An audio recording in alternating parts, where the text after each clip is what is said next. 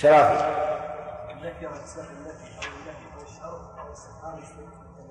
أحسنت. النكرة في سياق النفي أو النهي أو الشرط أو الاستفهام الإنكاري.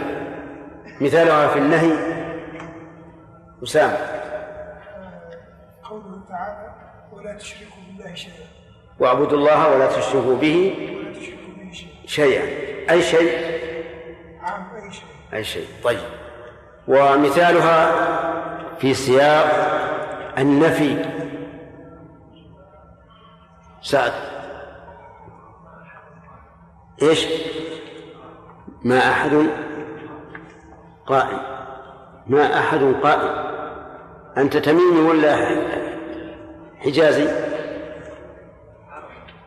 إيه والحجاز هم أعرب العرب.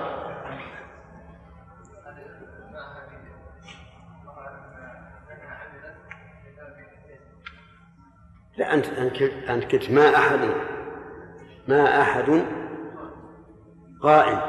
هل قائم؟ إذا صرت حجازيا بعد أن كنت تميميا. طيب. المثال صحيح يا جماعة؟ لأن نكرة في سياق النفي. طيب. الشرط. نكرة في سياق الشرط. مثالها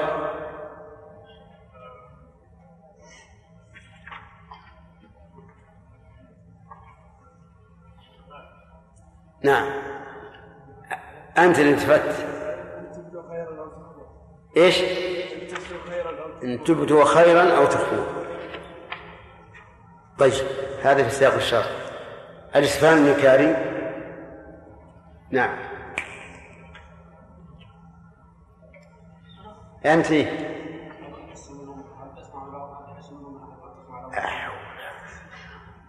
ليه الله تفعل.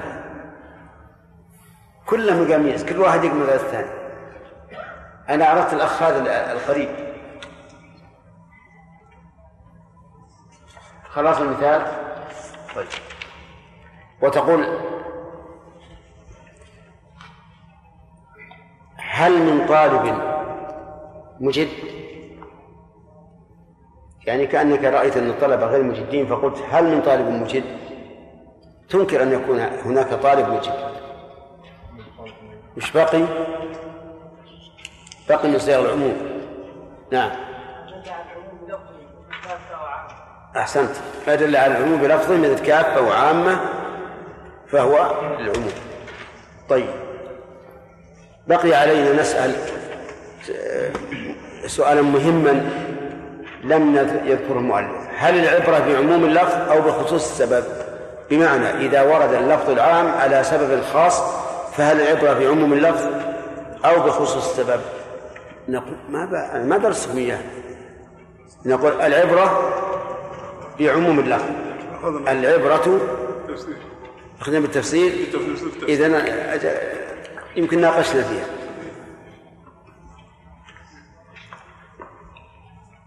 نبدأ الدرس. بسم الله الرحمن الرحيم. الحمد لله رب العالمين وصلى الله وسلم على عبده ورسوله نبينا محمد وعلى آله وصحبه أجمعين.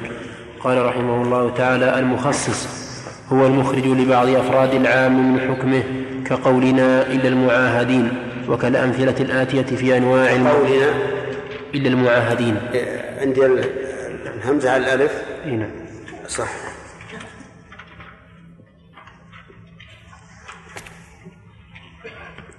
هذا بناء على المثال السابق اقتلوا المشركين إلا المعاهدين. أنواع المخصص. المخصص نوعان متصل ما لا يستقل بنفسه بل يكون متعلقا باللفظ الذي ذكر فيه العام. ومنفصل ما يستقل. الثاني ما يستقل. فلا زائدة.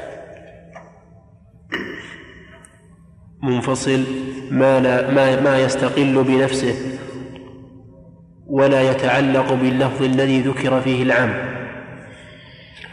والأول ثلاثة أنواع الشرط الصفة الاستثناء.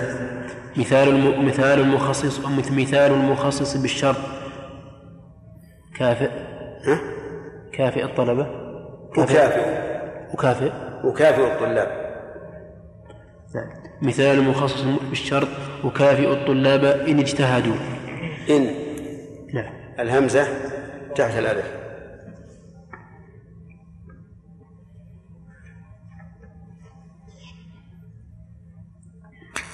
مثال المخصص بالصفة أكافئ الطلاب المجتهدين. مثال المخصص بالاستثناء أكافئ الطلاب إلا المهملين. فهمنا الآن أن المخصص هو ما دل على التخصيص وهو المخرج لبعض أفراد العام سواء كان متصلا أو منفصلا وسواء كان شرعيا أو عقليا أو حسيا. المهم أن ما أخرج بعض أفراد العام فهو إيش؟ المخصص وهو نوعان متصل وهو الذي لا يستقل بنفسه ومنفصل وهو الذي يستقل بنفسه. يعني ما اتصل بالكلام فهو متصل وما وما انفصل فهو منفصل وسيأتي أقسام. المتصل ثلاثة أنواع الشرط والصفة والاستثناء. الشرط والصفة والاستثناء. مثال الشرط أكافئ الطلاب إن اجتهدوا. لو لو اقتصرنا على قولنا أكافئ الطلاب لكانت المكافأة عامة لكل طالب مجتهد أو مهمل. فإذا قلنا إن اجتهدوا خرج بهذا القيد من لم يجتهد. وقد يكون من لم يجتهد هو الأكثر وقد يكون الأقل. المهم أننا أخرجنا بعض أفراد العام بهذا الشرط.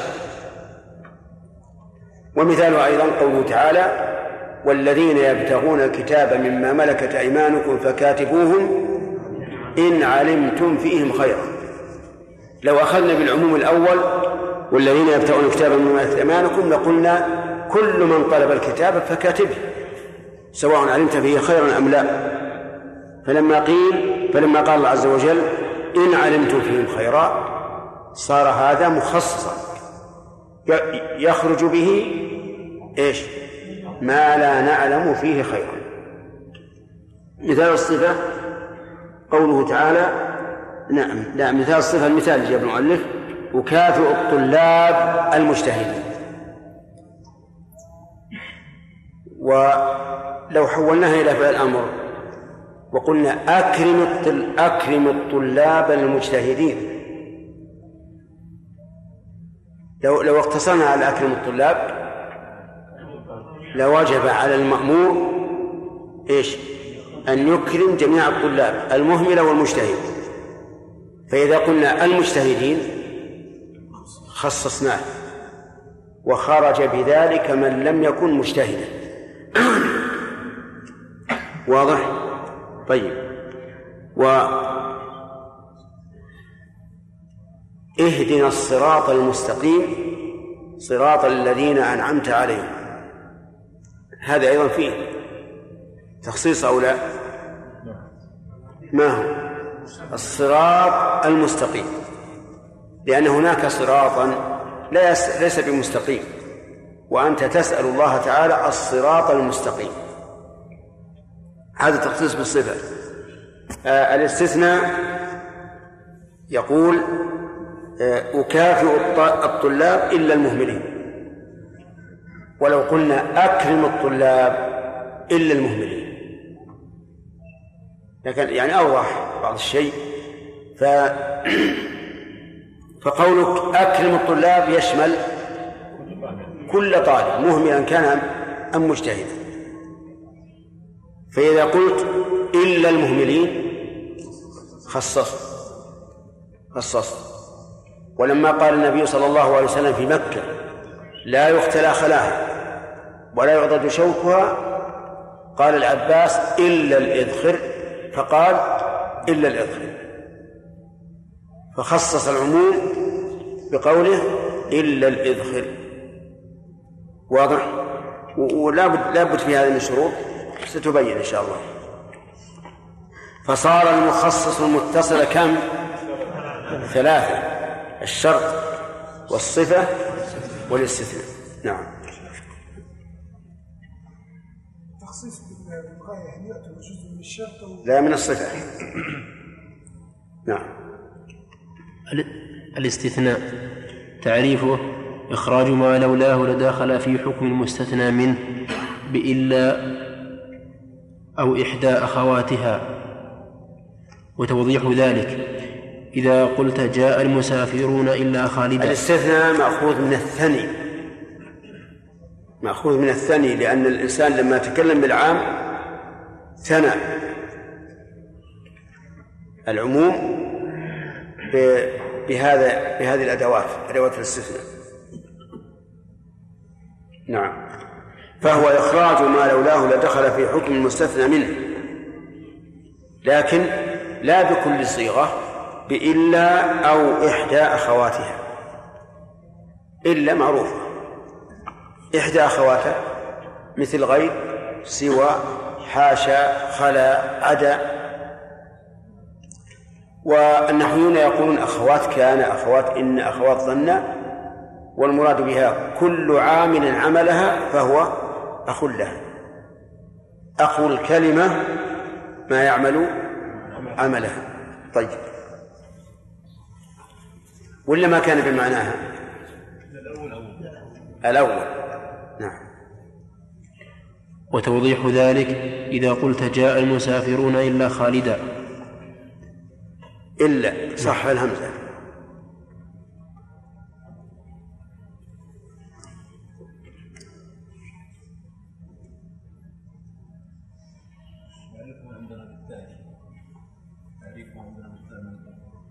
ها؟ إيه فيها نعم. التحطها ضمة. اجعلوها ضمة واستقيم الكلام. ها؟ بألا. أي نعم بإلا.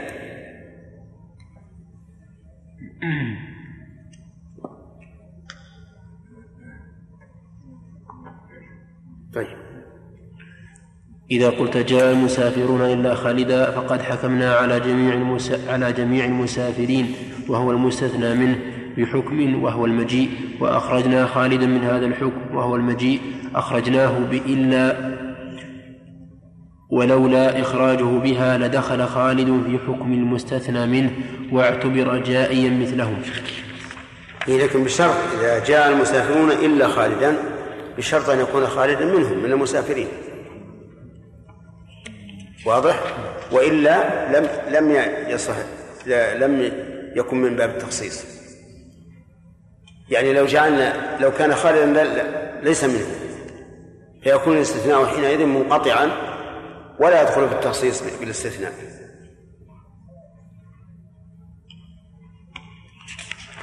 شروط ومثل أيضا أكرم الطلبة إلا إيش؟ إلا زيدا وهو منهم أو إلا المهمل. نعم. شروط شروط التخصيص بالاستثناء شروط التخصيص بالاستثناء ثلاثة. ألف أن يبقى بعد الاستثناء بعض المستثنى منه. نحو. كيف؟ أن يبقى بعد الاستثناء نعم. أن يبقى بعد الاستثناء بعض المستثنى منه. نحو. له نعم. بعض. بعض المستثنى منه. نحو. له علي عشرة ريالات إلا ثلاثة. فلو فلو لم يبق منه شيء لم يصح لم يصح منه. نحو له له علي عشرة ريالات إلا عشرة إلا عشرة ريالات فتلزمه العشرة. هذا هذا الشرط الأول يقول أن يبقى بعد الاستثناء بعض المستثنى منه أي شيء من المستثنى منه.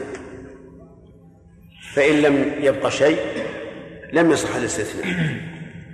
لأنه لو صح الاستثناء لكان رفعا للكلام من أصله.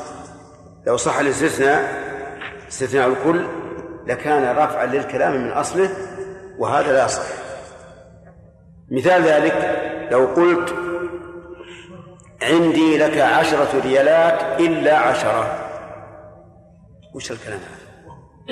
لغو ما يستقيم فيبطل ما يحصل به اللغو وما الذي يحصل به اللغو؟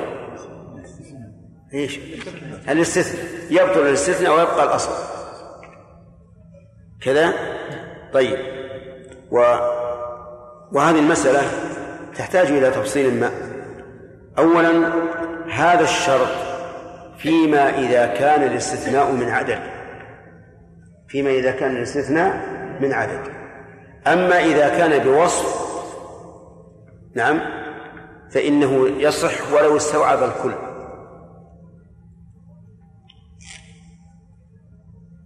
كلام واضح ولا عربي أو عجمي؟ هذا إذا كان الاستثناء من عدد فإنه لا بد أن يبقى بعد المستثنى منه شيء. وإلا وأما إذا كان من صفة فلا بأس أن يشمل الكل. مثال ذلك العدد إذا قلت عندي لك عشرة إلا عشرة فما حكم الاستثناء؟ غير صحيح. لا. لأنك إذا قلت عندي لك عشرة إلا عشرة فالكلام لغو واللغو إنما حصل بإيش؟ بالاستثناء فنبطله. طيب.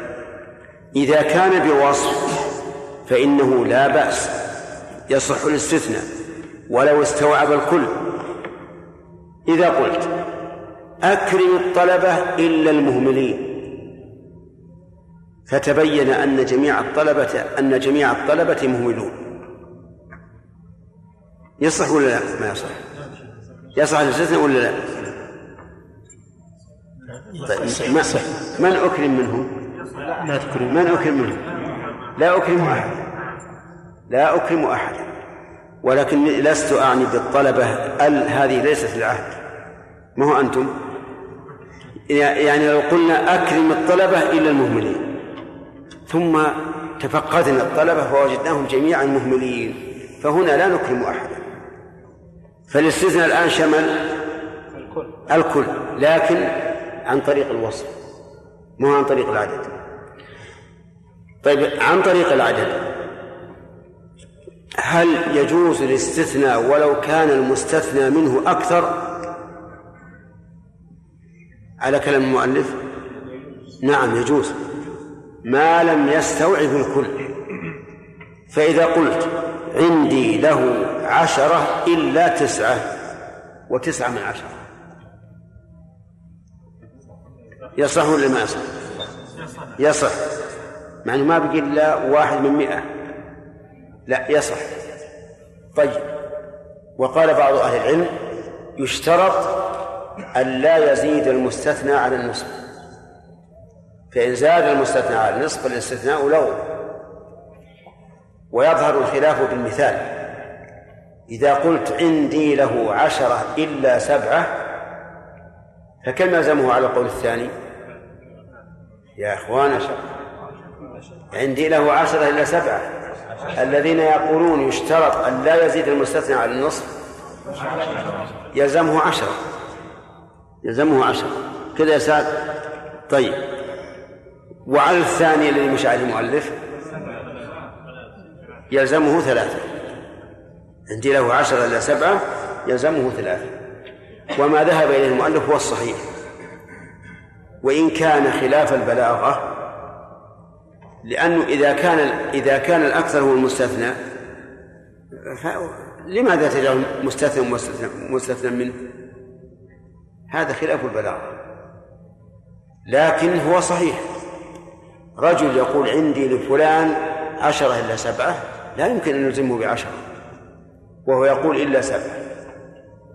فالصحيح أن الاستثناء استثناء الأكثر صحيح لكنه خلاف البلاغة طيب. فهمتم الآن؟ انتهينا كلام الشرط الأول. صار الشرط الأول محله إذا كان الاستثناء إيش؟ من عدد. أما إذا كان الاستثناء بالوصف فإنه صحيح ولو استوعب الكل. وذكرنا لكم المثال. نعم. أن يكون المستثني هو المتكلم بالمستثنى منه. إلا الرسول صلى الله عليه وسلم بالنسبة لله تعالى لأنه مبلغ عنه فيعتبر المتكلم شخصا واحدا كقول الرسول صلى الله عليه وسلم إلا أهل الذمة عقب نزول قوله تعالى فاقتلوا المشركين تلاعب بالأمثلة بالأول يقول إلا المعاهدين ثم جاء وقال إلا أهل الذمة والرسول ما قال هالكلام ما قال إلا أهل الذمة ما قال لما قال اقتلوا المشركين قال الرسول إلا أهل الذمة. ما قال. لكن لو استدل سلبا وإيجابا بالسنة غير هذا المثال لكان صحيح الأول أنه لا بد أن يكون متكلم أن النبي صلى الله عليه وسلم لما ذكر تحريم شجر مكة حج مكة قال له العباس إلا الإذخر ولم يسكت الرسول عليه الصلاة والسلام. بل قال إلا الإذخر. فدل هذا على أنه لو استثنى أحد غير المتكلم فإنه إيش؟ لا يصح لا يصح حتى يعيده المتكلم. ووجه ذلك من الحديث أن النبي صلى الله عليه وسلم لم يسكت ويجعل ذلك من باب الإقرار. بل أعاد قال إلا الإذخر فدل ذلك على أنه لا بد في الاستثناء أن يكون من ممن من المتكلم. وأما الاستثناء بالنسبة للرسول عليه الصلاة والسلام فهذا يمكن أن يقال إن النبي صلى الله عليه وسلم لما سئل عن الشهادة هل تكفر؟ الذنوب قال تكفر كل شيء.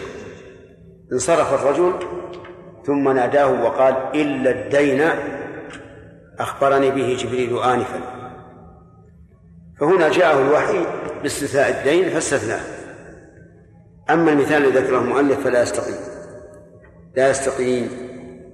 فإذا نمثل إما بحديث العباس وإما بحديث الدين. مع أن الدين آه، جاء الخبر إلى رسول الله صلى الله عليه وسلم. طيب. على كل حال لا بد أن يكون المستثني هو المتكلم. طيب لو قال رجل زوجاتي الأربع طوالق قالوا رفيقه اللي جنبه إلا فاطمة. ها. يصح ولا لا؟ ليش يا أخوان؟ نعم. غير المتكلم صح. إذا لا يصح لكن لو قال هو إلا فاطمة صح. نعم. جيم أن يتصل المستثنى بالمستثنى منه في الزمن دون فاصل زمني بينهما إلا لضرورة كسعال أو انقطاع نفس. فلو قال أحببت الفاكهة وبعد ساعة قال إلا الرمان لم يصح الاستثناء ولم يكن هذا ولم يكن هذا تخصيصا به. وكذا إذا قال نساؤه طوالق وبعد فترة قال إلا زينب لم يصح وتكون طالقا. هذا يعبر عنه بقولنا اتصال المستثنى بالمستثنى منه حقيقة أو حكما. اتصال المستثنى بالمستثنى منه حقيقة أو حكما مثال الحقيقة قال عندي لك عشرة إلا ثلاثة. هذا متصل؟ حقيقي. مثال الاتصال الحكمي أن يقول عندي لك عشرة ثم يلقي الله عليه النعاس. لما قال عندي لك عشرة نعس. وبعد فترة قال إلا ثلاثة. إيش تقولون؟ هذا متصل حكما. أو قال عندي لك عشرة ثم أخذه السعال. السعال معروف عندكم؟ ما هو؟ آه. طيب. أخذ السؤال وبقي خمس دقائق أو عشر دقائق. ثم لما هبط عليه قال إلا ثلاثة. يصح؟ وهو متصل حكما. طيب. آه لو انفصل لو انفصل لغير عذر بأن قال عندي لك عشرة فقال له آخر إلا ثلاثة. قال إلا ثلاثة. يصح أو لا؟ لا لا يصح لأنه منفصل. ولا بد من اتصال حقيقة أو حكما. وقال بعض أهل العلم بل هذا صحيح. وأنه ما دام الكلام في سياق واحد فالاستثناء يصح. واستدلوا لذلك بالسنة. فمن أدلتها أن سليمان بن داود عليه الصلاة والسلام قال والله لأطوفن الليلة على تسعين امرأة تلد كل واحدة منهن غلاما يقاتل في سبيل الله. فقيل له قل إن شاء الله. فلم يقل إن شاء الله. فطاف على تسعين امرأة. سبحان الله تسعين امرأة في ليلة واحدة. نعم. فلم تلد واحدة منهن شيئا إلا واحدة ولدت شق إنسان نصف إنسان. قال النبي صلى الله عليه وعلى آله وسلم لو قال إن شاء الله إيش؟ لا لكان دركا لحاجته ولقاتلوا في سبيل الله. وهذا نص صريح بأنه لو استثنى وقال إن شاء الله لنفعه. الدليل الثاني حديث العباس حين خطب النبي صلى الله عليه وسلم وبين تحريم شجر مكة وحشيشها وساق كلاما ساق كلاما آخر. قال العباس إلا الإذخر فقال إلا الإذخر ولم يعد ولم يعد الجملة الأولى. لو أعاد الجملة الأولى لقلنا متصل لكنه لم يعدها. مع الفصل. فدل ذلك على إيش؟ على أنه ما دام الإنسان في كلام واحد فإن له أن يستثني ولو فارق المستثنى منه. طيب. الشروط الآن ذكر المؤلف كم؟ ثلاثة. هل يشترط أن ينوي الاستثناء قبل تمام المستثنى منه؟ كلام ظاهر كلام المؤلف لا. وهو الصحيح. وقال فقهاء الحنابلة رحمهم الله وأصوليهم لا بد أن ينوي الاستثناء قبل تمام المستثنى منه. حتى لا يريد التعميم ثم يرفعه يرفعه بعد ذلك. لأنه لو لم ينوي إلا بعد انتهاء التعميم انتهاء العام صار نوى أول التعميم ثم رفعه. وهذا لا يصح. والصحيح خلاف قول الحنابلة وأنه لا يشترط إيش؟ أن ينوي قبل تمام المستثنى منه. طيب كلام المؤلف الآن وسط بين بين القول باشتراط النية وبين القول باشتراط بأن لا يشترط الاتصال ما دام الكلام واحدا لأن ظاهر كلام المؤلف أنه لا بد من الاتصال ولو كان الكلام واحدا ولكن الصحيح ما ذكرنا لكم. نعم. أنواع الاستثناء.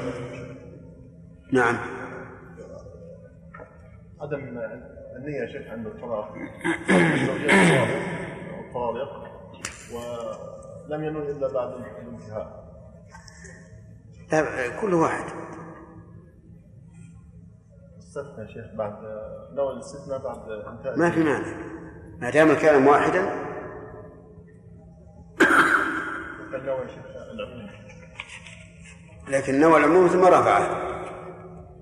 بكلام متصل.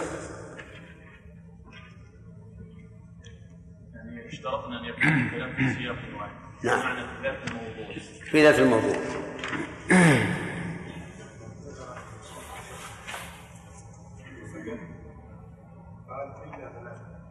لا بأس. على قول الراجح لا بأس. ثلاثة نعم. أنواع الاستثناء. أولا المتصل وهو أن يكون المستثنى من جنس المستثنى منه مثل ذاكرت العلوم إلا العروض, إلا العروض. ثانيا منقطع. وهو ألا يكون المستثنى من جنس المستثنى منه. نحو قدم الناس سوى السيارات رأيت الطيور إلا الخيل.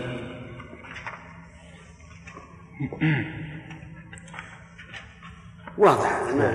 تقدم الشرط على المشروط والمستثنى على المستثنى منه. لا مانع من تقدم الشرط على المشروط. تقول إن ذكرت المستثنى على المستثنى منه. يعني أدخل عنوانا في عنوان. باقي علينا الآن وذكر المستثنى التخصيص بالاستثناء وشروطه. باقي الاستثناء بالشرط. الاستثناء بالشرط.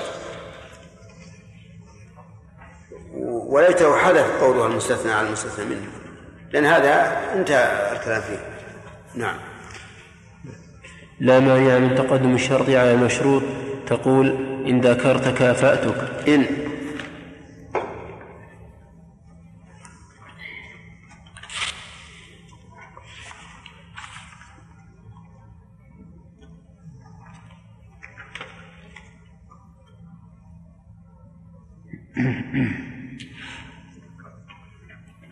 نعم.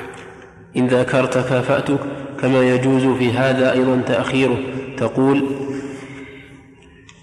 أكافئك إن ذاكرت كما لا يمتنع تقدم المستثنى على المستثنى منه. تقول نعم. وما لي إلا أحمد شيعة إلا آل نعم. نقول أو إيه. نقول. نقول. نعم. وما لي إلا آل أحمد شيعة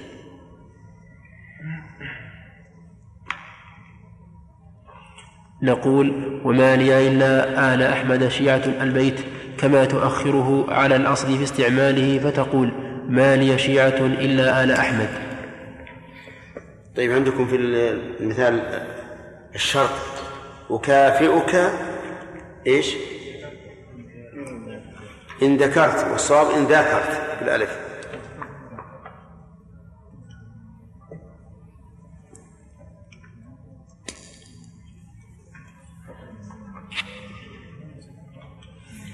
يرى بعض العلماء أن أن الشرط لا يكون تخصيصا إلا إذا تأخر. لأنه إذا تقدم فإنه لم يأتي عام حتى يقال إنه خصص. فإذا قلت إن جاءك القوم فأكرمهم. نعم إن أكرمك القوم القوم فأكرمهم. فهنا أصلا لم يرجع عموم. ما في عموم. لأن من الأصل ال ال الإكرام مشروط بإيش؟ بإكرام القوم لك. أما لو قلت أكرم القوم ثم قلت إن أكرموك فهذا واضح تخصيص بعد تعميم لكن المشهور أنه لا فرق بين أن يتقدم الشرط أو يتأخر. فكله يكون تخصيصا.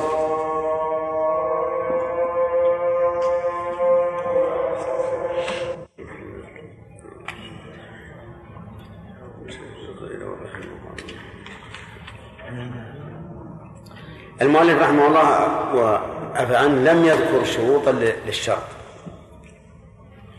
والشرط لا بد له من شروط. أولا الاتصال حقيقة أو حكما. فلو قلت أكرم الطلبة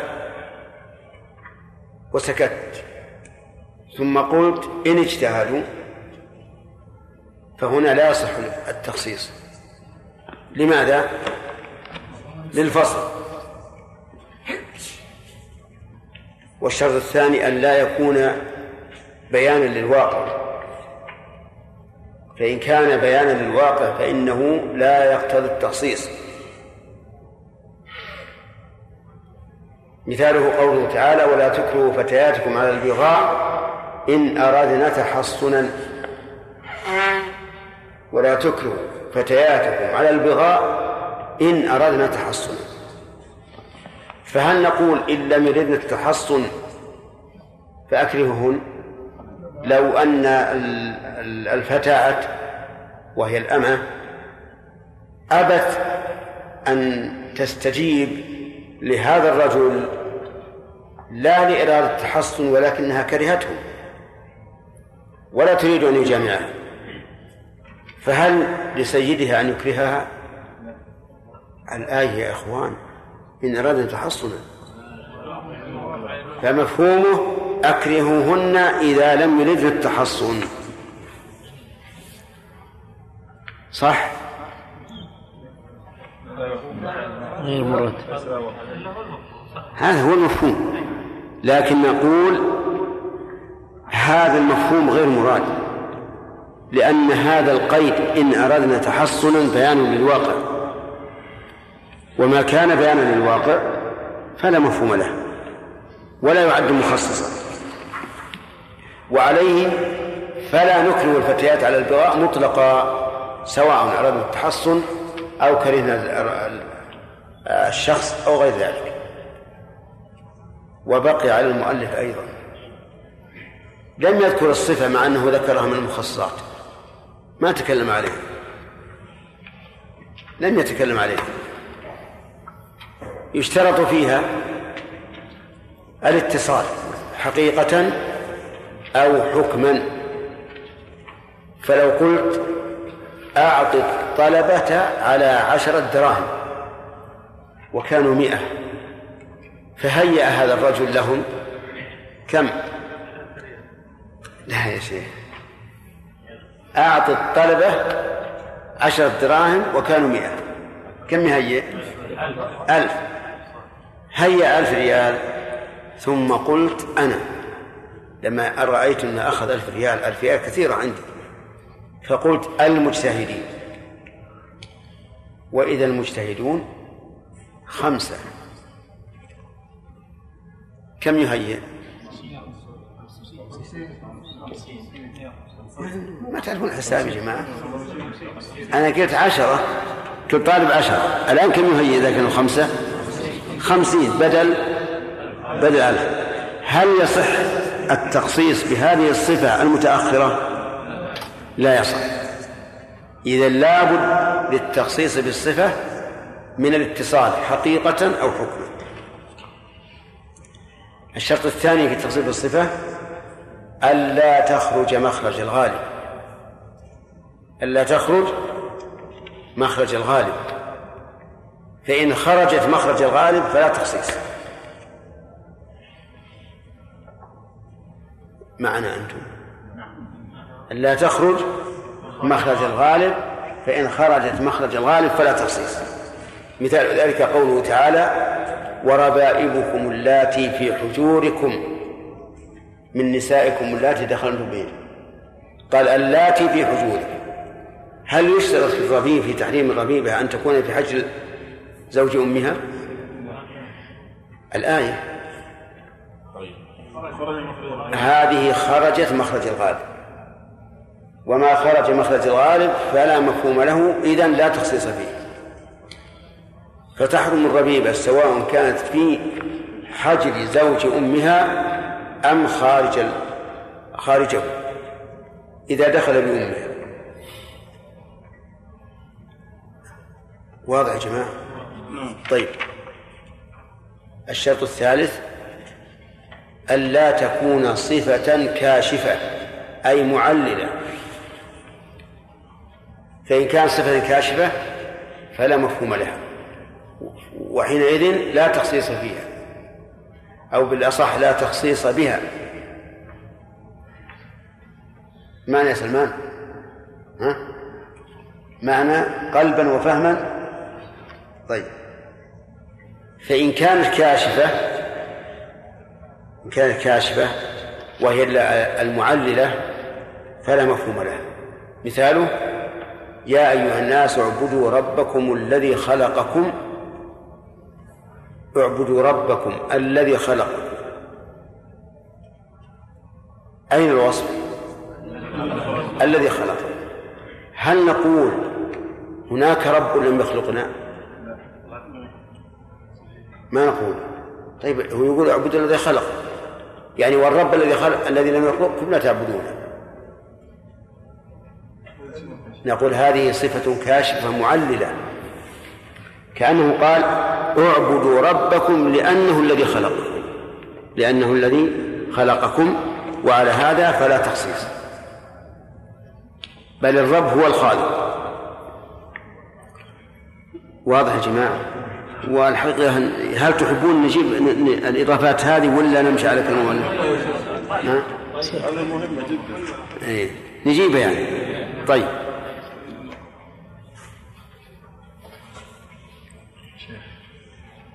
الثاني والثالث يا شيخ ممكن يندرج تحت ما لا مفهوم له هو كل صفة لا مفهوم لها ما- ما تخصص. تشمل الكشف وتشمل الذي خرج من الغالب أي نعم. لكن لابد من التبيين. مسلم نعم. ها؟ هو هو لغة ضعيف. يعني ليس من البلاغة أن تستثني الأكثر. لكن حكما لا نلزم الإنسان بغير ما- ما, أقر به. نعم. يقول هذا ما ما, جرى به العرف في اللغة العربية خلاص نستثنى يا جماعة. أنواع التخصيص بالمخصص المنفصل. أنواعه ستة أولا تخصيص الكتاب بالكتاب. ثانيا السنة بالسنة. ثالثا آه الكتابة. الكتابة كتابي الكتابة كتابي عندك مفتوحة؟ لا بس أسأل. نعم الكتاب بالسنة. رابعا السنة بالكتاب. خامسا تخصيص الكتاب بال- بالقياس. سادسا السنة بالقياس. الأول تخصيص الكتاب بالكتاب. باقي عليه أشياء أشياء أهم من هذا. لا تستعجل يا فؤاد. عند الناس ما ما تعرفه إن شاء الله.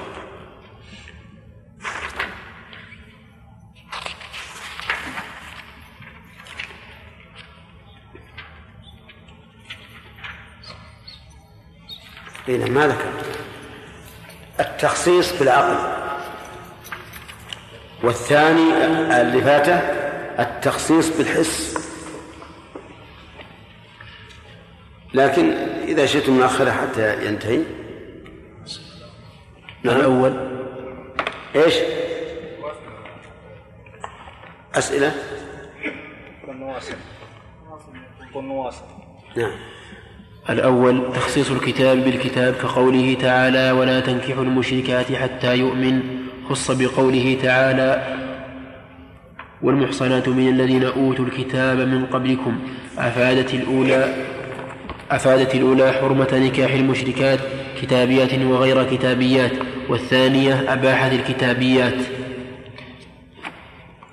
هذا إذا سلمنا أنه يطلق على الكتابيات إنهن مشركات. والله سبحانه وتعالى قد فصل, فصل بين المشركين وأهل الكتاب. فقال إن الذين كفروا من أهل الكتاب إيش؟ والمشركين في نار جهنم. وإذا كان كذلك فهذا المثال لا يصح. لأن قوله ولا تنكحوا المشركات لم يدخل فيه أصلا الكتابيات. لكن المثال الصحيح قوله تبارك وتعالى فلا ترجعوهن إلى الكفار لا هن حل لهم ولا هم يحلون لهم. الكفار هذا عام. في المشركين وأهل الكتاب. وقول لا لا هن حل لهم ولا هم يحلون لهن هذا العموم استثني آه، خص بقول الله تعالى والمحصنات من الذين أوتوا الكتاب. واضح يا جماعة؟ اذا التمثيل بقوله ولا تنكحوا المشرك ولا تنكحوا المشركات حتى يؤمن غير صحيح. والمثال الصحيح فلا فإن علمتموهن مؤمنات فلا ترجعوهن إلى الكفار. لا هن حل لهم ولا هم يحلون لهن لا هن يعني المؤمنات. حل لهم للمشركين. ولا هم أي المشركين أي الكفار.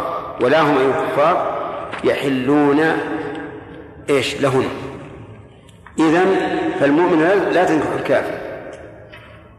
والكافر لا ينكح المؤمنة. فنقول خص بقوله والمحصنات من الذين أوتوا كتابا من قبلكم. هنا. واضح. طيب الآية الممتحنة وش تفهم منها؟ زين. والكفار؟ والكافرة؟ بالنسبة للمؤمن؟ ولا هم لهن. لمن؟ لا ترجعوهن إلى الكفار. لا هن أي المسلمات. حل لهم. ولا هم أي الكفار يحلون لهم. الكفار ولا هم يحلون لهم. يشمل أهل الكتاب؟ يشمل أهل الكتاب. خص بقوله بقوله تعالى والمحصنات من الذين أوتوا الكتاب. نعم. كافرات. نعم. نعم. لا هن حل للكفار. ولا الكف... نعم.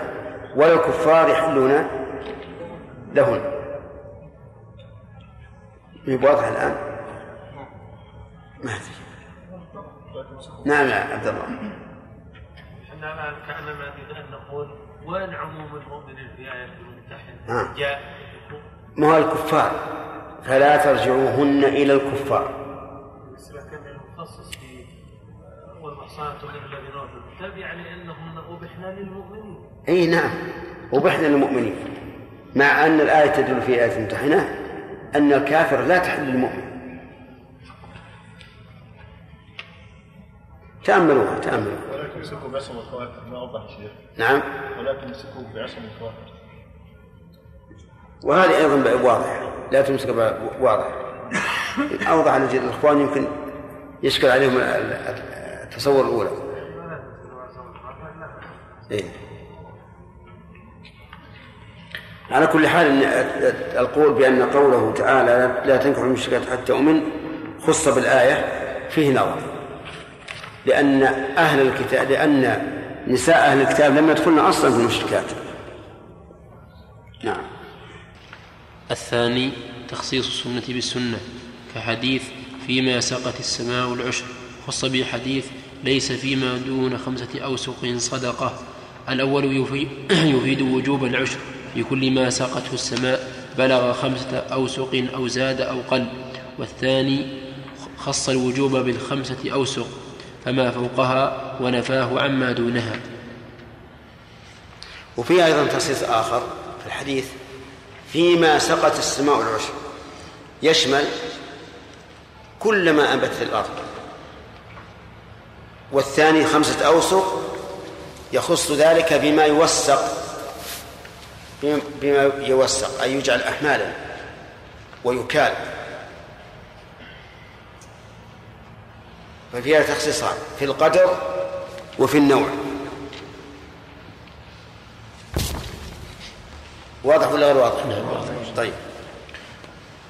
الثالث تخصيص الكتاب بالسنة كقوله تعالى يوصيكم الله في أولادكم للذكر مثل حظ الأنثيين. خصت الآية بحديث لا يرث لا يرث المسلم الكافر ولا الكافر المسلم.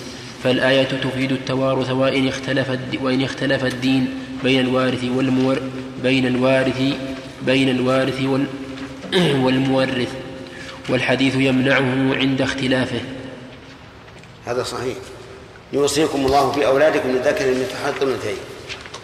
إذا أخذنا بظاهر الآية قلنا إن الكافر يرث المسلم من الأولاد وبالعكس لأن لأن الرجل الكافر إذا كان له ابن مسلم فهو ولده. وكذلك الأب المسلم إذا كان له ابن كافر فهو ولده. لو أخذنا بعموم الآية لقلنا يرث المسلم من الكافر والكافر من المسلم. فجاءت السنة لا يرث المسلم الكافر ولا الكافر المسلم. نعم. الرابع تخصيص السنة بالكتاب كحديث لا يقبل الله صلاة أحدكم حتى يتوضأ.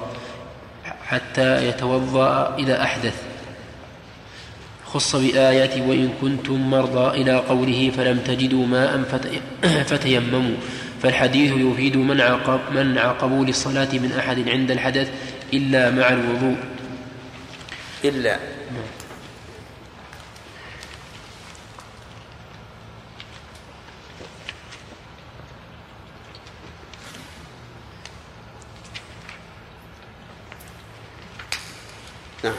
إلا مع الوضوء. وجد. نعم. وجد. الدالة الثانية زائدة. إلا مع الوضوء. وجد عذر فقد الماء أم لا؟ والآية أفادت قبول الصلاة عند الحدث مع العذر إذا تيمم فخص بها. الآن يقول يقول الرسول صلى الله عليه وسلم لا يقبل الله صلاة أحدكم إذا أحدث حتى يتوضأ. والآية تفيد أن من لم يجد الماء يتيمم فتكون مخصصة لعموم الحديث. لكن هذا المثال فيه نظر ظاهر لأن الله جعل التيمم بدلا إيش؟ عن الوضوء فهي لم تخصص لكنها ذكرت بدلا عن الوضوء عند عند تعذر استعماله وهو التيمم. فالمثال غير صحيح. فما هو المثال الصحيح؟ المثال الصحيح في سورة في سورة الممتحنة. في سورة الممتحنة. كان مما جرى في الصلح بين النبي صلى الله عليه وسلم وبين قريش أن من جاء منهم مسلما إيش؟ رددناه إليهم من جاء مسلما. عام. لأن من؟ اسم موصول تفيد العموم. من جاء مسلما من ذكر أو أنثى. فقال الله تعالى يا أيها الذين آمنوا إذا جاءكم المؤمنات مهاجرات فامتحنوهن. الله أعلم بإيمانهن. فإن علمتموهن مؤمنات فلا ترجعوهن إلى الكفار. فهذه الآية خصصت الحديث. ما هو الحديث؟ الشروط التي وقعت بين الرسول صلى الله عليه وسلم وأهل مكة. وفيها من جاء منهم مؤمنا رددناه إليه وهذا يقتضي أن نرد النساء. فأنزل الله الآية بمنع رد النساء إذا علمناهن مؤمنات. وتخصيص القرآن السنة في القرآن عزيز عزيز عزيز بمعنى أنه قليل جدا. لا تكاد تجد له مثالا. لكن هذا المثال الذي ذكرناه واضح. نعم. إذن المثال الصحيح ما هو؟ تخصيص آية الممتحنة لعموم حديث الصلح الواقع بين النبي صلى الله عليه وسلم وبين المشركين. نعم. الخامس تخصيص الكتاب بالقياس. كآية كآية كآية, كآية الزانية والزاني فاجلدوا كل واحد منهما مئة جلدة. خصت من خصت منها الأمة بآية فعليهن نصف ما على المحصنات من العذاب. وخص العبد منها أيضا قياس قياسا على العمة قياسا على الأمة منها في المنصف. وعليه فتخص, فتخص الآية الأولى ويقصر حكم الجلد فيها على الزانية الحرة والزاني الحر فقط. واضح. هذا إذا تخصيص آية الزاني والزاني فجر كل واحد منهما مئة جلدة بالنسبة للأمة. من باب تخصيص كتاب الكتاب. الكتاب بالكتاب. وتخصيص الرقيق العبد من باب تخصيص الكتاب بالقياس. نعم. السادس تخصيص السنة بالقياس كحديث لي الواجد ظلم, ظلم يحل عرضه وعقوبته. فإنه يشمل الوالد مع ولده. خص منه الوالد مع ولده فإن ليه ومماطلته لابنه لا يحل, لا يحل عرضه وعقوبته. قياسا على عدم قول أف الثابت بقوله تعالى ولا تقل لهما أف بالأولى. ملاحظة هامة صح تخصيص القرآن والسنة بالقياس لأن القياس يستند إلى نص من الكتاب والسنة فكان النص هو المخصص للقياس. هذا غلط. ليتماجز الملاحظة. مراد العلماء بتخصيص التخصيص في الحكم لا بكون القياس ثابتا أو غير ثابت. لأن دلالة الكتاب والسنة على على أن القياس دليل تفيد إثبات أن القياس دليل. لكن هل يخصص أو لا هذا شيء آخر. فعلى كل حال نقول تخصيص السنة أو القرآن بالقياس ليس من باب تخصيص النص بالنص. لكن أصل ثبوت القياس لابد أن يكون ثابتا بالنص وإلا لم يعتبر. وش بقى علينا التخصيص بالعقل. كيف؟ مثال مثال تخصيص اي نعم. هذا الجابة مثل لذلك. نقول غير واضح عاد انتهى الوقت إن شاء الله. غدا نوضح. سم بالله بسم الله الرحمن الرحيم. الحمد لله رب العالمين. صلى الله وسلم على عبده ورسوله نبينا محمد وعلى آله وصحبه أجمعين. قال رحمه الله تعالى المطلق والمقيد المطلق هو الشائع في جنسه بلا شمول ولا تعيين مثل فتحرير رقبة والمقيد هو الخارج عن الشمول بوجه منها. نعم بوجه منها. نعم. مثل فتحرير رقبة مؤمنة ومن الأول عندي كتب وأقلام.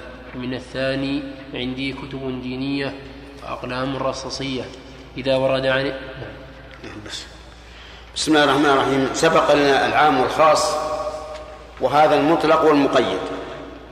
والفرق بينهما أن المطلق يشمل جميع أفراده على سبيل البدل لا على سبيل الشمول. يعني يعم جميع أفراده على سبيل البدل لا على سبيل الشمول. فإذا قيل أعتق رقبة فرقبة هنا عامة لجميع لجميع الرقاب لكن على سبيل البدل بمعنى أن هذه الرقبة بدل هذه الرقبة. فلو اعتقت رقبة واحدة أجزأ لكن لو قلت لا تعتق رقبة. فهنا يشمل جميع الرقاب. كل الرقاب لا تعتق منها ولا واحدة. كذلك إذا إذا إذا قلت إن المتقين في جنات ونهر. يشمل كل متق كل متق. سواء قلنا إن طريق العموم هو اسم الموصول أو المفرد أو الجمع المعرف بأل يشمل الجميع. لكن إذا قلت إن متقيا في الجنة فهذا هل يشمل كل متقي؟ لا يشمل كل متقي هذا يدل على أن واحد من المتقين في الجنة لكن العموم يأتي من نصوص أخرى والحاصل أن الفرق بين المطلق والعام المطلق عمومه بدلي والعام عمومه شمولي. والفرق بينهما أن البدلية يكتفى فيه بواحد من من من الشمول أو العام. وأما العام فيشمل كل فرد على سبيل العموم. طيب المقيد عكس المخصوص. يعني معناه أنه يرد على مطلق. فما ورد من الأوصاف ونحوها على مطلق فإنه يسمى مقيدا مقيدا بالكسر. والكلام الذي فيه هذا التقييد يسمى مقيدا. وما ورد على العموم نعم يسمى إيش؟ مخصصا. فإذا قلت أكرم الطلبة المجتهدين. فالمجتهدين هنا نعم مخصص مقيد. ها؟ والذي قال مقيد؟ رجع أو طيب رجع. وإذا قلت أكرم طلبة المجتهدين. هذا مقيد؟ ليش؟ لأن طلبة مطلق وليست عامة. ولذلك إذا قلت أكرم طلبة المجتهدين فأكرمت ثلاثة من الطلبة المجتهدين كفى. إذن فهذا مقيد. فصار الفرق بينهما هو هذا أن العام عمومه شمولي والمطلق عمومه بدلي. الخاص والمقيد أو المخصص والمقيد إن ورد على مطلق فهو مقيد وإن ورد على عام فهو مخصص. هذا الفرق. طيب. يقول المقيد هو الخارج المطلق هو هو الشائع في جنسه بلا شمول ولا تعيين مثل فتحذير رقبة. قال الله تعالى فتحرير رقبة من قبل يتماس. كلمة رقبة الآن تشمل جميع الرقاب كل الرقاب لكن على سبيل البدل بمعنى أنك إذا أتيت برقبة واحدة إذا حررت رقبة واحدة كفى. طيب المقيد هو الخارج عن الشمول بوجه الظاهر إنه بوجه ما بوجه ما.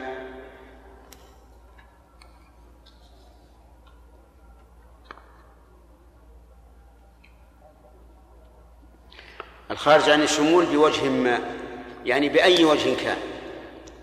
مثل فتحرير رقبة مؤمنة.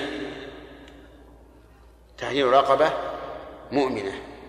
هنا كلمة مؤمنة قيدت الرقبة فخرج بذلك الرقبة غير غير المؤمنة ومن الأول يعني المطلق عندي كتب وأقلام. كتب هذا مطلق. أقلام؟ إيش؟ مطلق. ومن الثاني؟ عندي كتب دينية وأقلام رصاصية. هذا مقيد. كلمة دينية أخرجت ما ليست كتبا دينية وأقلام رصاصية أخرجت غير الأقلام أخرجت الأقلام غير الرصاصية. اتضح الآن؟ طيب. إذا ورد عن قد تكلمنا شيخ عن تخصيص العقل والحس. إيش؟ طيب. وأيضا آه، ما ما ما ذكرنا الحديث حذيفة بن أسيد. وقد وعدناكم بأن نقرأه عليكم ثم يصور. وعليه فتكون جملة معترضة لكنها مطولة. يقول فهمت استشكالكم الجمع بين حديثي ابن مسعود وحذيفة بن أسيد في تخليق الجنين وكتابة رزقه وأجله والجواب عنه يتبين فيما يأتي. أولا لا تعارض بين الحديثين في التخليق والتصوير والتأنيث والتذكير. لا تعارض بينهما في هذه الأشياء التخليق والتصوير والتأنيث والتذكير. وذلك لأنه لم يذكر في حديث في حديث ابن مسعود. وعلى هذا فيكون منفردا به حديث حذيفة وإذا انفرد به فلا تعارض. ثانيا التعارض بين الحديثين إنما هو في كتابة الرزق والأجل. متى يكون؟ ففي حديث ابن مسعود يكون إذا تم مائة وعشرين. وفي حديث حذيفة اثنين وأربعين. طيب. وحينئذ فإما أن نسلك طريق الترجيح فالمعتبر حديث ابن مسعود لأنه في الصحيحين وحديث حذيفة في صحيح مسلم. ومن اتفق عليه الشيخان فهو مقدم. طيب. وإما أن نسلك طريق الجمع وتكون الكتابة مرتين مرة عند انتقال الجنين من النطفة إلى علقة لانتقاله إلى طور الدم الذي هو مادة حياة الحيوان ومرة عند نفخ الروح فيه لانتقاله إلى عالم الأحياء بعد أن كان في عالم الجماد. لقوله تعالى ثم أنشأناه خلقا آخر فتبارك الله أحسن الخالقين وبهذا اجتمع الحديثان لأنه في الخلق والتصوير والتذكير والتأنيث إيش؟ لا تعارض. لأنه تفرد به حديث حذيفة. حذيفة. في في مسألة الكتابة كتابة الرزق والأجل لا شك أنهما تعارضا. لأن حديث حذيفة يدل على أن ذلك في بعد 42 يوما وحديث ابن مسعود 120 حينئذ إما أن نقول يمكن الجمع بينهما بأن تكون الكتابة مرتين. لأنها عند انتقال الجنين من حال مهمة إلى حال أخرى مهمة. فالأول من انتقاله من النطفة إلى العلقة وهذا دور مهم لأنه انقلب انقلب الماء إلى إلى دم الذي هو مادة الحياة. والثاني بعد نفخ الروح فيه حين انتقل إلى عالم آخر لقوله تعالى ثم ثم أنشأناه خلقا آخر. فتكون الكتابة الآن مرتين. ونعمل بالحديثين. وأما إذا ساكت الترجيح فقد علمتم أن ذاك حديث ابن عباس ابن مسعود في الصحيحين وذاك في صحيح مسلم. ثالثا ظاهر حديث حذيفة معارض لظاهر القرآن. ظاهر حديث حذيفة معارض لظاهر القرآن حيث قال الله تعالى يا أيها الناس إن كنتم في ريب من البعث فإنا خلقناكم من تراب ثم من نطفة ثم من علقة ثم من مضغة مخلقة وغير مخلقة فإن ظاهر الآية أن لا تخليق قبل طول المضغة حيث قال في المضغة مخلقة وغير مخلقة. ولم يذكر ولم يذكر مثل ذلك في العلقة فدل هذا على أنها غير مخلقة. وأما الحديث فظاهره إن لم يكن صريحا أن التخليق يكون قبل طول المضغة وحينئذ فإما أن نطرح الحديث لمخالفة ظاهره أو صريحه لظاهر الآية ونقول لا تخليق قبل المضغة والحديث منكر بهذا المعنى. وإما أن نقول إن من الأجنة ما يخلق قبل طور المضغة كما يفيده الحديث ومن الأجنة ما لا يخلق إلا في طور المضغة كما تفيده الآية الآية وهو الغالب الكثير وبهذا يكون الجمع بين الآية وظاهر الحديث أو صريح واضح هذا؟ الآية الكريمة تدل على أنه لا تخليق قبل المضغة لأنه قال إن كنتم في ريب من البعث فإن خلقناكم من تراب ثم من نطفة ثم من علقة ثم من مضغة. المضغة مخلقة وغير مخلقة. إذن العلقة غير مخلقة قطعا لأن دم قطع الدم. وحينئذ نقول نأخذ بظاهر الآية وندع الحديث ونقول الحديث بهذا منكر. لأنه إذا خالف الحديث ما هو أصح وكان الحديث فيه شذوذ يكون منكرا. وإما أن نقول إن من الأجنة ما يكون ما يخلق في طور العلقة ومنها ما يخلق في طور المضغة. فإن أمكن هذا الجمع فهو جمع لا بأس به وإن لم يمكن فالعمل على ما دلت عليه الآية الكريمة. نعم. نعم. أفكر في موضوع يعني قلنا أن رتبة الصحيحين أو صحيح البخاري أعلى من رتبة مسلم. نعم. شيخ لما يعني يعني لو يعني لو جزمنا بصحة الحديث لازم يعني وجب يعني صح الاحتجاج به. إن احتج به كان ما في عبرة الواحد يقول إن هذا رتبة أعلى وأكثر لا كيف؟ الظاهر إنك انت أنت أجهل من من أجهل الناس في الحديث. ومعرفة الشاذ من المحفوظ. هذا صحيح يعني ومنكر. إذا كان إذا كان صحيحا فلا فلا اعتراض. هذه إذا كانت تصور وتوزع على الإخوان لأنها مفيدة. وهذا معي خالد العفيفي موجود خالد العفيفي. سافر؟ إيه. أجل ما يمكن آه، العمل بهذا. نعم؟ وكلك. الله أعلم. وأنت أعلم. سبحان الله. نعم. ها؟ طيب خذ هذا الجد عبد الله. بما أنك مشرف وتعاون في عبد الله. كذا؟ أجل الماء موجود. لكن نقول بطل التيمم ولا فلا نعدل للتيمم؟ لأن ما بعد تيممنا يا عبد الله إلا الآن.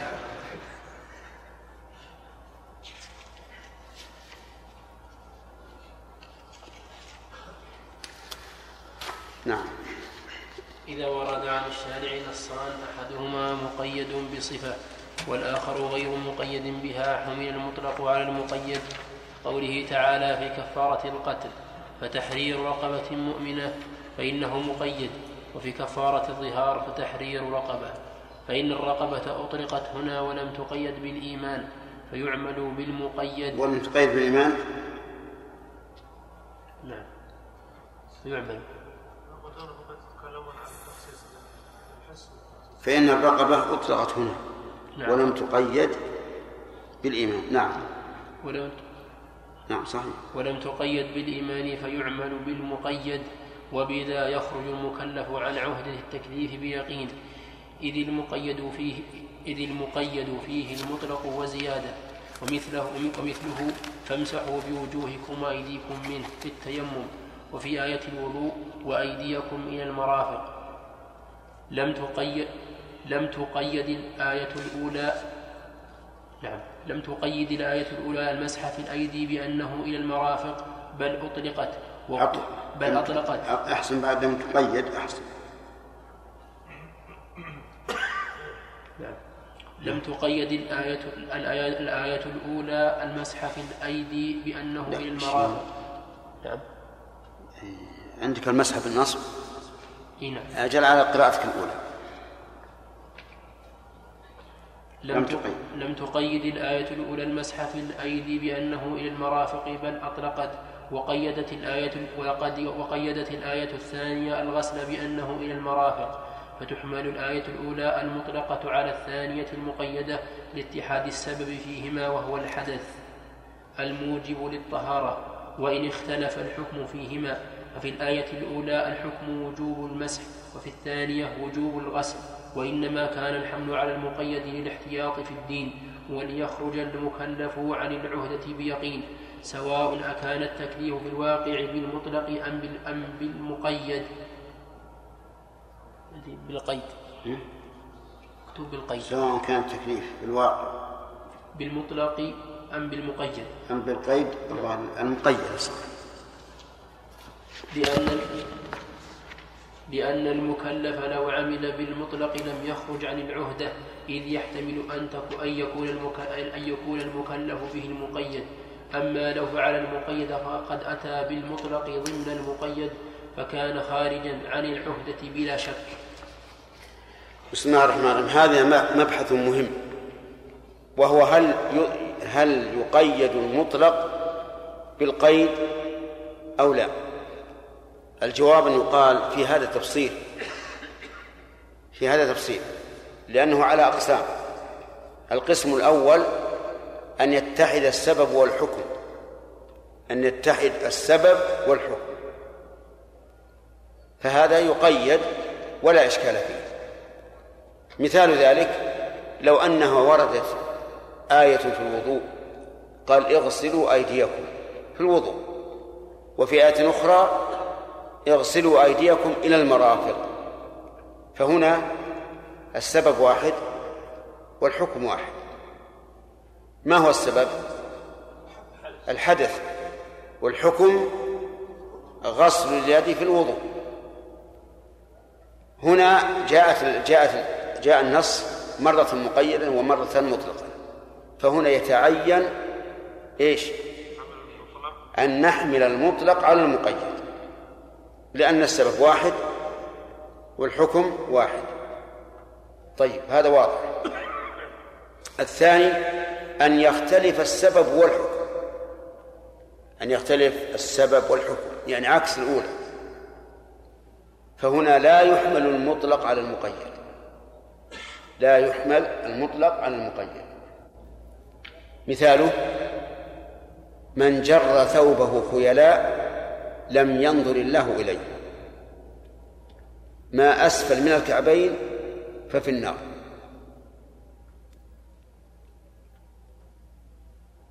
أنتم معنا؟ الحكم واحد ولا ولا مختلف؟ والسبب؟ مختلف.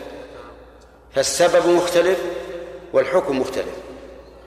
من جر ثوبه خيلا لم ينظر الله إليه هذا نزل الثوب حتى ضرب على الأرض. وعقوبته أن الله لا ينظر إليه ولا يكلمه ولا يزكيه وله عذاب أليم. ما أسفل من الكعبين ففي النار.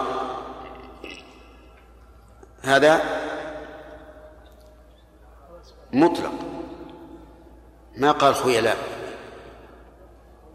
فالسبب نعم والعقوبة أنه في النار مختلفة. فالسبب مختلف والعقوبة مختلفة والعقوبة هي الحكم هنا. هنا لا يحمل المطلق على المقيد. لا يحمل المطلق على المقيد. لاختلاف السبب واختلاف الحكم. لأننا لو حملنا المطلق لو حملنا المطلق على المقيد لكان في هذا تكذيب أحد الخبرين بالآخر. إذ أن المقيد أوجب عقوبة غير عقوبة المطلق فلو قلنا هذا محمول على هذا لزم تكذيب أحد الخبرين بالآخر وهذا محال. ولذلك ننكر على من نزل ثوبه أسفل من الكعبين. ننكر عليه. فإذا قال أنا لم أفعله خيلاء. والله تعالى لا ينظر إلى من جر ثوبه خيلاء نقول لا حجة لك في هذا. لأن عملك ليس جر الثوب إذ أن الثوب مرتفع. أليس كذلك؟ مرتفع دون أسفل من الكعبين لكن لا يجر بالأرض. ولأن العقوبة مختلفة. فلا يمكن أن يحمل المطلق على المقيد. ومن ذلك ما مثل به المؤلف رحمه الله. في غسل اليد في الوضوء قال اغسلوا أيديكم إلى المرافق. وفي التيمم قال امسحوا بوجوهكم وأيديكم. السبب واحد. ما هو؟ الحدث لا شك. لكن هل الحكم مختلف؟ نعم مختلف. مختلف اختلافا عظيما. طهارة التيمم في عضوين فقط. وطهارة الحدث إما في الجسم كله وإما في أربعة أعضاء. أليس كذلك؟ طيب. طهارة التيمم مسح ولا يتأتى فيها الغسل. وطهارة الوضوء والغسل غسل. أليس كذلك؟ اختلف الحكم. طهارة التيمم لا يختلف فيها الحدث الأصغر والأكبر. موضع التطهير هو الوجه وإيش؟ والكفان. وطهارة الماء يختلف فيها. إيش؟ التطهير بالحدث الأصغر والأكبر. إذن فهذا خلاف عظيم. وإذا كان كذلك فهل يمكن أن تقاس الطهارة؟ نعم في أيضا فرق رابع. طهارة التيمم فرع. وطهارة الماء أصل. ولا يمكن أن يقاس الفرع على الأصل. ولهذا أبطل النبي صلى الله عليه وسلم قياس عمار بن ياسر آه، الفرع على الأصل. لما تمرغ في الدابة كما تمرغ لما تمرغ في التراب كما تمرغ الدابة أبطله النبي عليه الصلاة والسلام. فإذا كان كذلك فإنه لا يمكن أن نقول إن غسل اليدين في الوضوء قيد إلى المرافق فيجب أن يكون مسح الكفين في التيمم مقيدا إلى إيش؟ إلى المرافق. هذا ممتنع. لأن محل القياس أو التقييد أو الإطلاق هو الحكم ما هو السبب. ثم نقول بعد هذا كله وإبطال القياس من هذه الوجوه الأربعة نقول بعد هذا إن النبي صلى الله عليه وعلى آله وسلم قال لعمار بن ياسر إنما كان يكفيك أن تقوم أن تقول بيديك. هكذا وضرب بيديه الأرض ومسح وجهه وظاهر كفيه ووجهه نعم ومسح ظاهر كفيه مسح الشمال على اليمين وظاهر كفيه فقط ولم يقل إنه إلى المرافق. وهذا واضح. فبطل بذلك تقرير المؤلف. والخلاصة الآن إذا اتحد السبب واختلف الحكم فإنه إيش؟ لا يحمل المطلق على المقيد. لأن التقييد وصف للحكم وإذا كان مختلفا في الأصل فلا يمكن أن يقيد بالمطلق. آه نعود مرة ثانية لتقسيم القسم الأول. إيش؟ إذا اتحد السبب والحكم قيد المطلق بالمقيد. الثاني إذا اختلف السبب والحكم لا يقيد. الثالث إذا اتفق السبب واختلف الحكم فالصحيح أنه إيش؟ أنه لا يقيد. ولا ولا يصح التقييد. طيب. إذا إذا اختلف السبب ولكن اتحد الحكم. السبب مختلف لكن الحكم واحد. فهل يقيد به؟ نعم يقيد. إحنا قلنا المتاع على الحكم. فإذا كان السبب مختلفا ولكن الحكم واحد فإنه يقيد. مثال ذلك في كفارة القتل قال الله تبارك وتعالى فتحرير رقبة مؤمنة. مؤمنة. وفي كفارة اليمين لم يقل مؤمنا. قال إطعام عشرة مساكين. أو كسوتهم أو تحرير رقبة وكذلك في كفارة الإظهار. قال فتحرير رقبة من قبل أن يتماس. فهنا الحكم واحد. وهو إيش؟ تحرير الرقبة. الحكم واحد وهو تحرير الرقبة لكن إما لهذا أو لهذا أو لهذا. والسبب مختلف. فهنا نقول يقيد المطلق يقيد المطلق بالمقيد. ونقول لو أنه أعتق في كفارة القتل كفارة غير م... رقبة غير مؤمنة فإن ذلك لا يجزئ. كفارة اليمين مطلق لو لو لو, لو أنه أعتق في كفارة اليمين أو في كفارة الظهار رقبة غير مؤمنة فإنه لا يجزئه لأن هذا مقيد بالإيمان في كفارة القتل والحكم واحد. فهذه الأقسام. فصار لا يقيد المطلق إلا في حالين. الأول إذا اتحد السبب والحكم. الثاني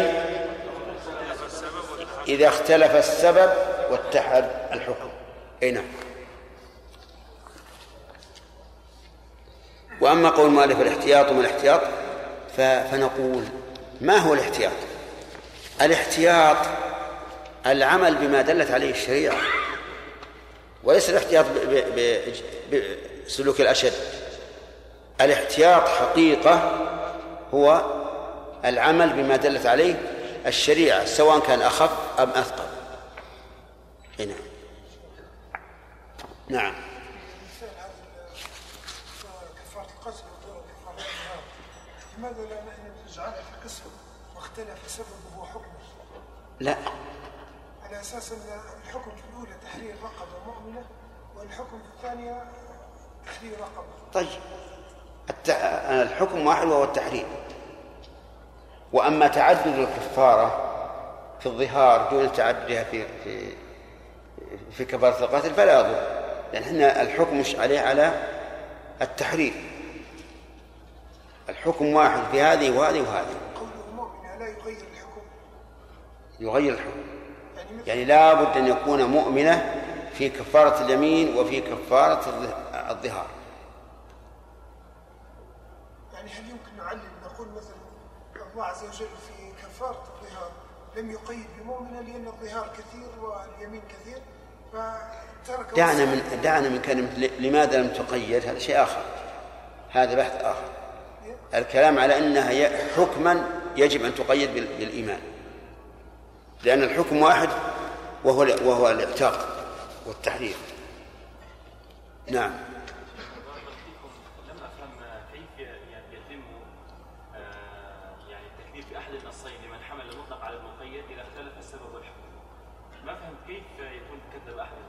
أي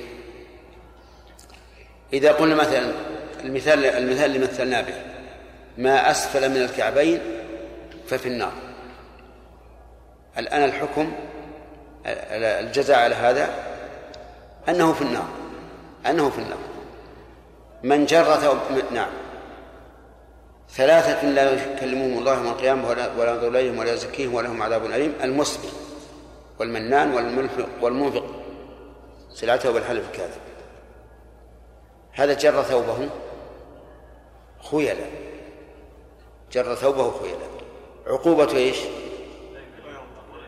فلو قلنا إن عقوبة الأول الذي نزل عن أسفل عن الكعبين دون خيلاء لو قلنا عقوبته أن أن الله لا يكلمه ولا ينظر إليه ولا يزكيه لكان أبطلنا النص الأول نعم حديث أبي ذر وحديث ابن عمر. يصح أن نمثل بهما لما اتحد السبب فيه والحكم. لأن حديث أبي ذر ثلاثة لا يكلمهم الله يوم القيامة ولا ينظر إليهم ولا يزكيهم ولهم عذاب أليم.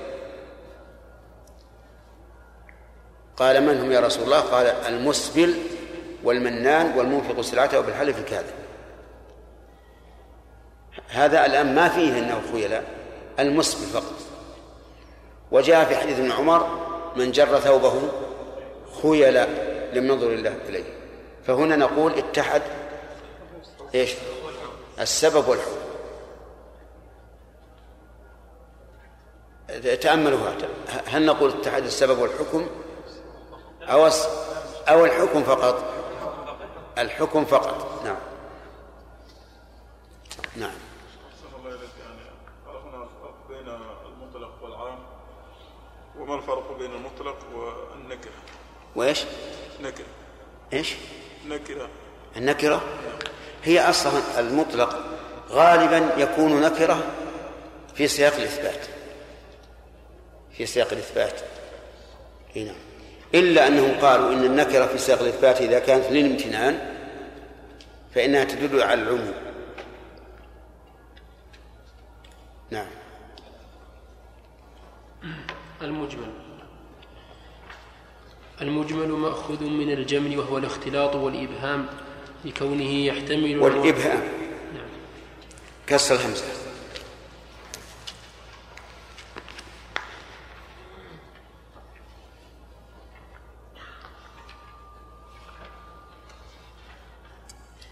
مأخوذ من الجمل وهو الاختلاط والإبهام لكونه يحتمل المراد وغيره على السواء وفي اصطلاحهم ما احتمل أكثر من معنى وفي تعبير آخر ما يحتاج إلى البيان وإزالة الإشكال.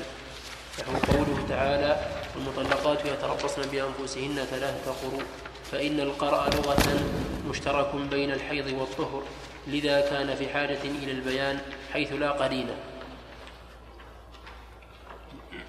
طيب المجمل هو الذي لا يتبين معناه إلا بمبين. هذا الضابط فيه.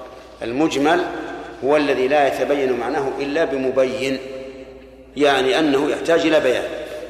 وإزالة الإشكال كما قال في التعريف الثاني. وأما ما احتمل أكثر من معنى فهذا غير مجمل إذا ظهر في أحد المعنيين. يعني لو وجدنا لو وجدنا لفظا يحتمل أكثر من معنى. لكنه ظاهر في أحد المعنيين هل نسمي هذا مجملا؟ عجيب لا نسميه. لأنه واضح. لكن إذا كان يحتاج إلى بيان وإزالة الإشكال فهذا يسمى مجملا. فكل ما يحتاج إلى بيان فإنه مجمل. أقيموا الصلاة. مجمل؟ نعم مجمل. لأننا نقول ماذا ما كيف نقيمها لما قال الله للقلم اكتب مجمل ولا غير مجمل؟ مجمل؟ ولهذا قال ماذا أكتب؟ فكل لفظ يحتاج إلى مبين فهو مجمل. نعم.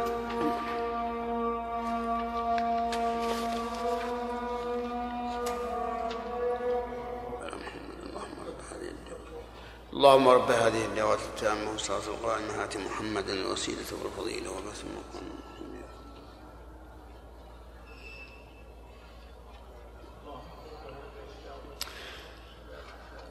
الآن عرفتم المجمل؟ هو الذي لا يظهر معناه إلا ببيان من خارج. طيب فإن قال قائل ما هي الحكمة من ذكر المجمل أولا ثم بيانه ثانيا؟ قلنا الحكمة من ذلك أن تتهيأ النفوس لقبول الحكم وتكون مستعدة ثم يأتي البيان. وثانيا أن يكون لدى النفوس تشوق كبير إلى إيش؟ إلى البيان. لأن الشيء إذا جاء مبينا صار كالطعام البارد الذي برد للإنسان ويأكله بس بدون معاناة. فإذا كان لا بد من معاناة صار أشد غلاء عند النفوس. إذن الفائدة إيش؟ شيئان تهيئة النفوس لقبول الحكم والثاني آه، شدة الاشتياق والتطلع إلى البيان. هذا سؤال. السؤال الثاني هل يمكن أن تبقى النصوص مشكل مجملة بلا بيان؟ الجواب لا لا يمكن. لا يمكن. ولهذا نقول يعني يمكن أن نقول إن الإجمال قد يكون أمرا نسبيا. يكون عند الناس مجملا وعند آخرين مبينا. ولكن هذا الإجمال ولكن هذا الإجمال هذا الإجمال النسبي ليس هو المعني أو ليس هو المعني بهذا البحث. المعني بهذا البحث هو الإجمال من حيث هو بقطع النظر عن المخاطب به. ثم مثل المؤلف بقول الله تبارك وتعالى والمطلقات يتربصن بأنفسهن ثلاثة قروء. ثلاثة قروء. ما القروء جمع قرض لكن ما هو القرض؟ قيل إنه الطهر وقيل إنه الحيض. وعلى هذا فيكون ثلاثة قروء أي ثلاثة أطهار. أو ثلاثة ثلاث حيض. فما هو الصحيح؟ الصحيح أن المراد به الحيض. أولا لأن النبي صلى الله عليه وسلم قال لابن عمر حين طلق زوجته وهي حائض ثم ليطلقها طاهرا أو حاملا. وأنكر عليه أن يطلقها وهي حائض. لأنه لم يطلقها للعدة. ولو كانت الأطهار هي الأقرة هي الأطهار لكان المطلق في الحيض قد طلق للعدة. لأنها لأن الآن تستقبل العدة الأطهار. وثانيا أن النبي صلى الله عليه وسلم قال للمستحاضة اجلسي قدر ما كانت تحبسك أقراؤك أو كلمة نحوها. فدل ذلك على أن القرأ هو إيش هو الحيض وهذا هو الصحيح وبناء على ذلك لو طلق الإنسان زوجته في طهر في حيض وقلنا بوقوع الطلاق مع التحريم كما هو رأي جمهور العلماء فهل تعتد بالحيضة التي طلقها فيها؟ لا لأنه لابد من ثلاث إيش؟ حيض والطلقة التي والحيضة التي طلق في أثنائها لا تعتبر لأن الحيض لا يتبعض يعني ما يمكن يقول خذي نصف الحيضة مثلا ونصف الحيضة من الرابعة. ما لا يصح أقول بل لا بد أن تأتي بثلاث حيض بعد التي طلقت فيها. هذا إذا قلنا بوقوع الطلاق كما هو نعم هذا إذا قلنا بوقوع الطلاق في الحيض كما هو رأي الجمهور. وخلاصة ذلك أن القرأ لفظ مشترك لا شك مشترك بين الحيض والطهر ولكن قد قامت البينة